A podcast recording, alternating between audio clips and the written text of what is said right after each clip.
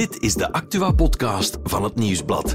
In samenwerking met Play Nostalgie en GVA.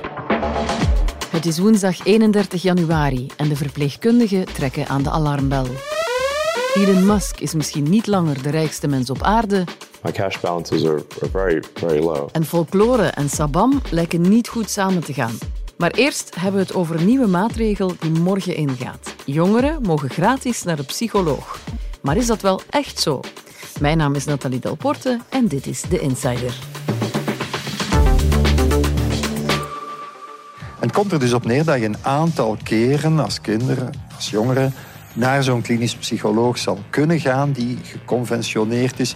Dat betekent dat zelfs dat je dat ja, tot twintig keer zou kunnen doen. Minister Van den Broeke kondigde het heel warm aan tijdens de warmste week. Psychologische hulp voor jongeren vanaf 1 februari volledig gratis tot 23 jaar. En dat klinkt als fantastisch nieuws natuurlijk. Concreet gaat het om maximaal 20 gratis gesprekken bij een expert. Jongeren met een eetstoornis zouden vanaf diezelfde dag ook gratis naar een diëtist moeten kunnen gaan, vanaf vandaag dus. En ik wil heel graag weten wat er nu precies allemaal verandert en wat dat tot gevolgen heeft. Ik vraag het eerst aan kinderpsychologe Klaar Hammenekker. Dag Klaar. Hallo, dag Nathalie. Zou u mij een plezier willen doen en uw reactie nog eens herhalen die ik daarnet kreeg toen ik u eh, eerst even opbelde? Ja, ik moest heel hard lachen. Ik deed... ja, exact, exact. Deed ik, ja. ja en waarom? Ja, omdat uh, ik denk dat dat, zoals mijn vader zou zeggen, mensen blij maken is met een dode mus. Oei. Uh, zo zei mijn vader dat vroeger altijd. Als, je, als er iets zeer aanlokkelijk leek, maar bij nader inzien toch misschien niet zo een fijn geschenk was. Ja. Um, al zien Uiteraard is dit fijn voor de groep mensen die daar uh, zal kunnen van gebruik maken, maar die groep is zo klein ja. tegenover de mensen die het nodig hebben en tegenover wat de minister heeft natuurlijk uh, de indruk heeft gegeven. Hè? Want hij heeft de indruk gegeven dat dat zowat voor iedereen geldt. Dus als je de kleine lettertjes leest, zoals altijd, Ja. is dat toch lichtjes anders. Ja. Dus die groep mensen voor wie dit inderdaad van toepassing zou zijn, is heel klein, zegt u. Over wie gaat het dan? Uh, wel enkel uh, bij eerste lijnspsychologen die geconventioneerd zijn, Mhm. um, geldt dit. Misschien moeten we Ehm, dat dan eerst nog eens uitleggen, het verschil tussen geconventioneerd en ongeconventioneerd. Ja, het is zo, je kon je aanvraag indienen als psycholoog om je te laten conventioneren. Um, dat wil zeggen dat je een soort van um, contract afsluit. Ik zal dat nu simpel uitleggen met uh, de ziekteverzekering, waardoor dat wie gebruik maakt van jouw diensten, die dat aan een bepaald tarief kan. Zoals dat eigenlijk ook geldt voor tandartsen en artsen in ziekenhuizen. Hè. Maar er is één belangrijk iets. Dat is dat de financiële injectie die onze minister gegeven heeft, dat die eigenlijk maar voldoende is voor één op de vier psychologen die zich kan laten conventioneren. Nu mogen wij dat nog allemaal massaal willen doen. We kunnen zelfs niet, hè, want de financiële middelen om dan uh, ja, onze prestaties toch te betalen. Hè, want uiteraard, de psycholoog doet het niet gratis. Hè, het is voor de mensen die bij de psycholoog langsgaan gratis. Mhm. Daarvoor zijn de fondsen die vrijgemaakt zijn gewoon uh, ja, ontoereikend. Dus een kwart van de psychologen is slechts uh, daar is geconventioneerd en komt in aanmerking voor, dit, uh, voor deze regeling, zal ik zeggen. Dus hij heeft een belofte gemaakt, maar hij vergat de zak geld erbij te geven. Ja, of erbij te zeggen dat je en of moet haasten of geluk moet hebben, Ja. uh, wilt je in aanmerking komen. Hè? Of daarbij zeggen van kijk, van, van de, ja, de, de 40.000 mensen die hier op dit plein staan in de warmste week, sorry, 30.000 van jullie, nee, toch niet, 10.000, you won the lottery, hè? maar zoiets. Maar dat is die er wel vergeten bij te zeggen. Ja. Wat vervelend is natuurlijk, want wij moeten een beetje het opkuisen natuurlijk of de vragen beantwoorden in de praktijk. Hè? Want ouders zeggen soms van ah, vanaf volgende week is het dan gratis. Ja, en dan moet ik jammer genoeg een hele uitleg doen, wat soms heel vervelend overkomt ook, want het lijkt alsof dat je... Ja, dat, is, dat, dat klinkt ook niet zo geloofwaardig, want onze, onze minister heeft dat met zo'n stelligheid beweerd, Mm -hmm. Dat het lijkt alsof wij iets vertellen wat niet helemaal klopt. Dus ik, ik voel me er eigenlijk helemaal niet zo comfortabel bij. En hoe komt het dat er steeds meer jongeren die hulpvraag hebben? Goh, ik, ik denk, er zijn een aantal factoren. Hè. Op de eerste plaats, en dat vind ik iets om toe te juichen, is de drempel absoluut verlaagd. Hè. Tieners uh, anno 2024 zijn veel opener rond uh, mental issues dan, dan vorige generaties. Hè? Uh, sowieso. Hè? Dus ik denk dat dat een, een, voordeel is en dat er meer over gepraat kan worden en dat men opener is en dat men ook van daaruit meer kan aangeven en hulp kan vragen. Dat mm sowieso. Anderzijds denk ik dat we toch wel in een complexere realiteit leven die het voor hen uh, niet makkelijker maakt. Post-COVID is zeker wat mij betreft een thema. Dan de hele online realiteit. Uh, ja, zij, zij hebben een dubbel leven. Hè? Mm -hmm. En in het beste geval loopt dat redelijk congruent, dat online en dat real-life leven. Maar bij velen van hen is dat helemaal niet congruent. Hè. Is dat zelfs vaak heel erg um, ambivalent. Mm -hmm. En dat maakt het toch echt niet zo, niet zo makkelijk. Ja, zeker en vast. Ja. Om dan nog van het klimaat niets te zeggen en, en de hele wereldlijke situatie en, misschien ook angst creëert. En onze maatschappij, en onze maatschappij die um, heel... Uh, heel veel eisend is, waar heel veel druk ligt, want je moet het maken en je bent ook individueel voor alles verantwoordelijk. En we worden ook van alles bang gemaakt. Mm -hmm. Vroeger dan, ja, dan waren we blij als het ging sneeuwen. En nu krijg je de code oranje omdat er een bom, ze noemen dat dan ook een bom, hè, een sneeuwbom gaat vallen. Voor mij is code oranje een bom in de luchthaven, maar geen sneeuw in mijn hof. Hè. Mm Maar dus we maken iedereen verschrikkelijk bang uh, van alles, voortdurend. Uh, en dan schrikken we ervan dat bij mij bijvoorbeeld in de praktijk 60% van de aanmeldingen angstgerelateerd is. Dat is alvast duidelijk en heel klare taal. Kinderpsychologen Klaar, die we straks trouwens nog terug horen, vindt de maatregel een dode mus. Ik haal er graag ook nog politiek redacteur van Nieuwsblad Siska Thuisbaard bij. Dag Siska. Hey, dag Nathalie. Ik ga het je meteen vragen hè, over die dode mus. Slaat de maatregel van Van den Broeke nu wel of niet ergens op? Wel, er zijn natuurlijk een aantal kanttekeningen aan verbonden, ja. maar het blijft een goede zaak dat de minister inspanningen levert om psychologische hulp toegankelijker te maken, om de drempels te verlagen en om vooral jongeren aan te sporen als ze met problemen zitten om hulp te gaan zoeken. Dus er zijn wel goede zaken aan. Ja, ja, maar kan je begrijpen dat cliënten, toekomstige en nieuwe van de psycholoog, zelf eigenlijk amper kunnen volgen hoe het precies in elkaar zit? Kan je misschien nog eens uitleggen? Ja, zeker en vast. Want er is ook de afgelopen legislatuur heel erg veel veranderd op vlak van psychologische hulp. Mm -hmm. Er is een nieuw betalings terugbetalingssysteem gekomen onder Van den Broeke, waardoor eigenlijk iedereen voor 11 euro naar de psycholoog kan. Ja. Maar deze maatregel voor jongeren onder de 24 jaar is eigenlijk een verderzetting daarvan. Dus zij kunnen gratis naar de psycholoog voor lichte tot gematigde klachten. Mm -hmm. En uh, ze kunnen tot en met 20 sessies krijgen, naar gelang de problematiek waarmee ze te kampen krijgen. Mm -hmm. En um, het kan zowel individueel zijn als ook in groep. Oké. Okay.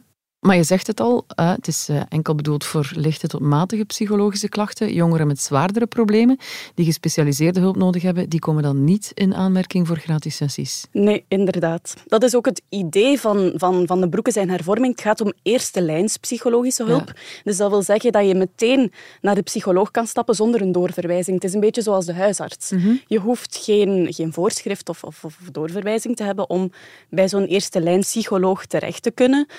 Maar het gaat dus over ja, kleinere problemen die op korte termijn kunnen opgelost worden. Korte termijn, ik hoor je ook het woord meteen uitspreken, maar de wachtlijst voor psychologische hulp, die is al lang. Hè? En nu die drempel van de prijs, alleen voor sommigen dan, die drempel verdwijnt, zal die wachtlijst dan niet nog langer worden? Inderdaad, inderdaad. Dat is ook wat experten vrezen, want de voornaamste drempel voor mensen toekoer, jongeren, jong en oud, om naar de psycholoog te gaan, is nu eenmaal de prijs. Dus als die zal verdwijnen, zullen meer jongeren ook de stap naar de psycholoog ja. zetten en dan maakt de wachtlijst nog langer. Nu, hoe lang die wachtlijsten precies zijn, daar hebben we eigenlijk geen cijfers van, omdat dat heel erg verschilt van regio tot regio. Maar we -hmm. weten wel dat een, een, aantal van die geconventioneerde psychologen, dat die ook al met een aanmeldingsstop werken. -hmm. Dus de vraag is daar ook al best groot. Oké, okay, dus, dus jongeren zouden nu sneller de stap durven zetten, maar dan botsen ze tegen een wachtlijst of zelfs misschien geen wachtlijst.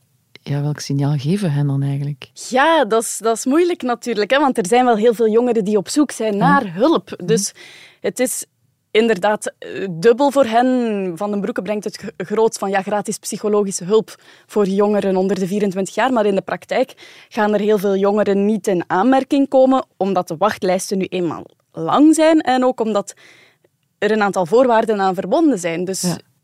veel jongeren zullen niet gratis geholpen kunnen worden. Ook al zijn er wel al heel veel inspanningen geleverd de afgelopen legislatuur. Dus het aantal geconventioneerde psychologen is wel al gestegen. Maar die psychologen werken alle, niet allemaal voltijds Mhm. geconventioneerd. Dus sommigen doen een aantal uren binnen de conventie, maar doen ook een aantal uren aan vrij tarief. En niet alle geconventioneerde psychologen zijn opgeleid om jongeren en kinderen te begeleiden. Dus er zijn ook conventioneerde psychologen die voor koppels of voor volwassenen Mhm. of voor specifieke problematieken aan de slag zijn. En dat wil zeggen dat die jongeren ook niet bij hen terecht kunnen. Dus Ja. het is echt wel niet zo'n heel grote groep. Oké, sommige jongeren komen dus in aanmerking voor 20 gratis sessies bij de psycholoog. Maar wat ik me dan afvraag, over hoeveel jongeren gaat het precies? Ik weet dat dat, ja, exacte cijfers zijn er niet, dat heb je daarnet al aangegeven. Maar heb je daar toch ergens een zicht op? Wat we weten is dat het aantal mensen dat naar de psycholoog gaat, sinds die eerste hervorming waar ik het over had van Van den Broeke, waarbij iedereen voor 11 euro naar de psycholoog kan, al enorm gestegen is. Dus in 2022, voor die nieuwe terugbetalingsregels, gingen er zo'n 16.000 patiënten langs bij een geconventioneerd psycholoog. Een jaar later, in 2023, toen die maatregel ingegaan is, zijn dat er 187.000 geworden. Wow. Dus dat aantal is fors gestegen. En daaronder zitten ook veel jongeren en mensen die uit financieel kwetsbare situaties komen. Dus dat is een goede zaak dat die mensen de weg naar de psycholoog gevonden hebben. En dat blijkt ook effectief nodig, want uit cijfers van de CM en Cienzano blijkt dat vier op tien jongeren zegt dat ze nood hebben aan psychologische hulp. Dat is wel heel veel, hè? Ja, zeker en vast. Dan hoop ik dat toch een aantal van hen gebaat zullen zijn bij de nieuwe maatregel. Dankjewel, Siska. Graag gedaan. En dan ga ik nog even over naar Klaar Hammenekker terug, die het belang van een kinderen- en jongerenpsycholoog heel tastbaar maakt met het antwoord op de vraag waarom ze haar job zo graag doet. Er is niks zo mooi om het moment te zien waarop een, er bij een kind een soort van ehm, awakening is of zoiets. Waarbij die plots doorheeft dat wat hij voordien geloofde niet waar blijkt te zijn en dat hij vrijer is dan hij zelf denkt en autonomer is dan hij zelf denkt en meer steu- gesteund wordt dan hij zelf denkt.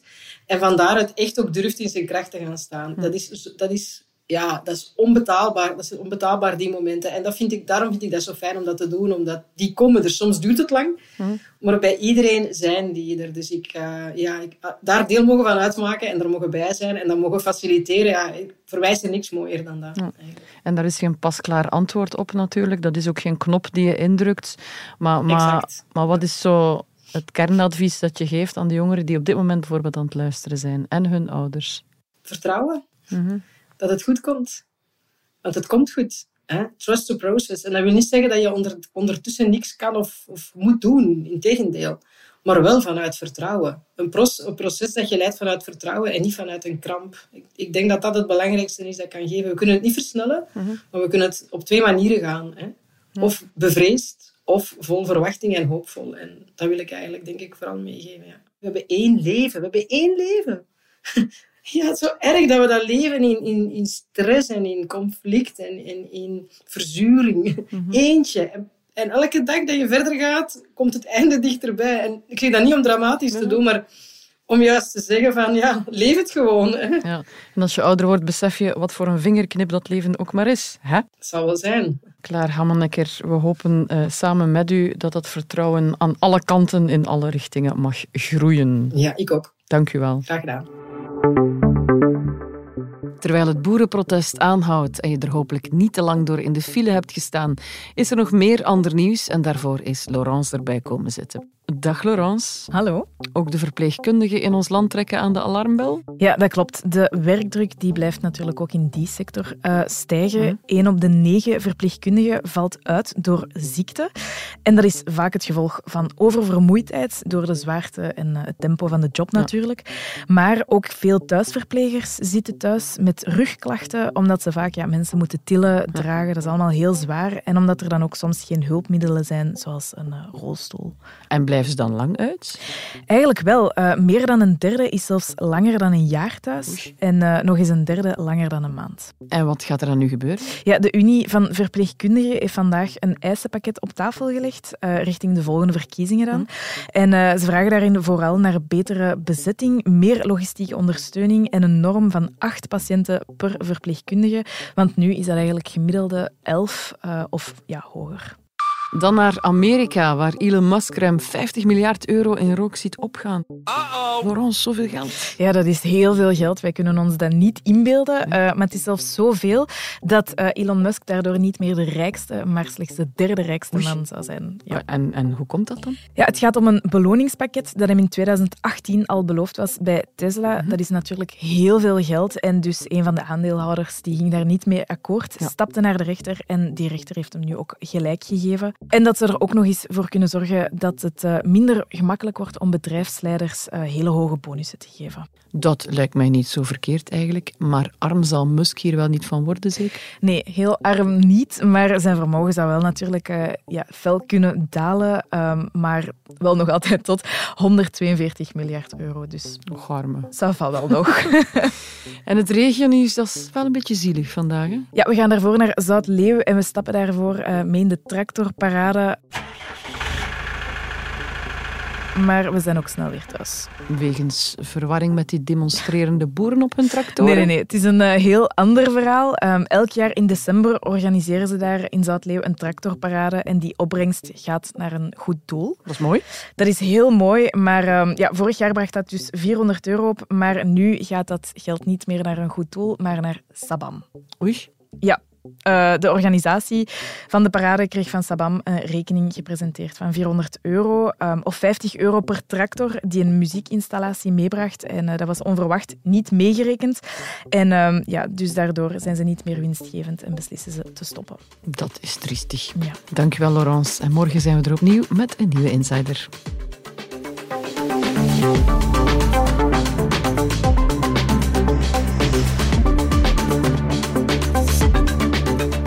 Was The Insider, een podcast van het Nieuwsblad in samenwerking met Play Nostalgie en GVA. De muziek is van Pieter Santens. De montage gebeurde door House of Media. Wil je reageren? Mail naar podcast.nieuwsblad.be.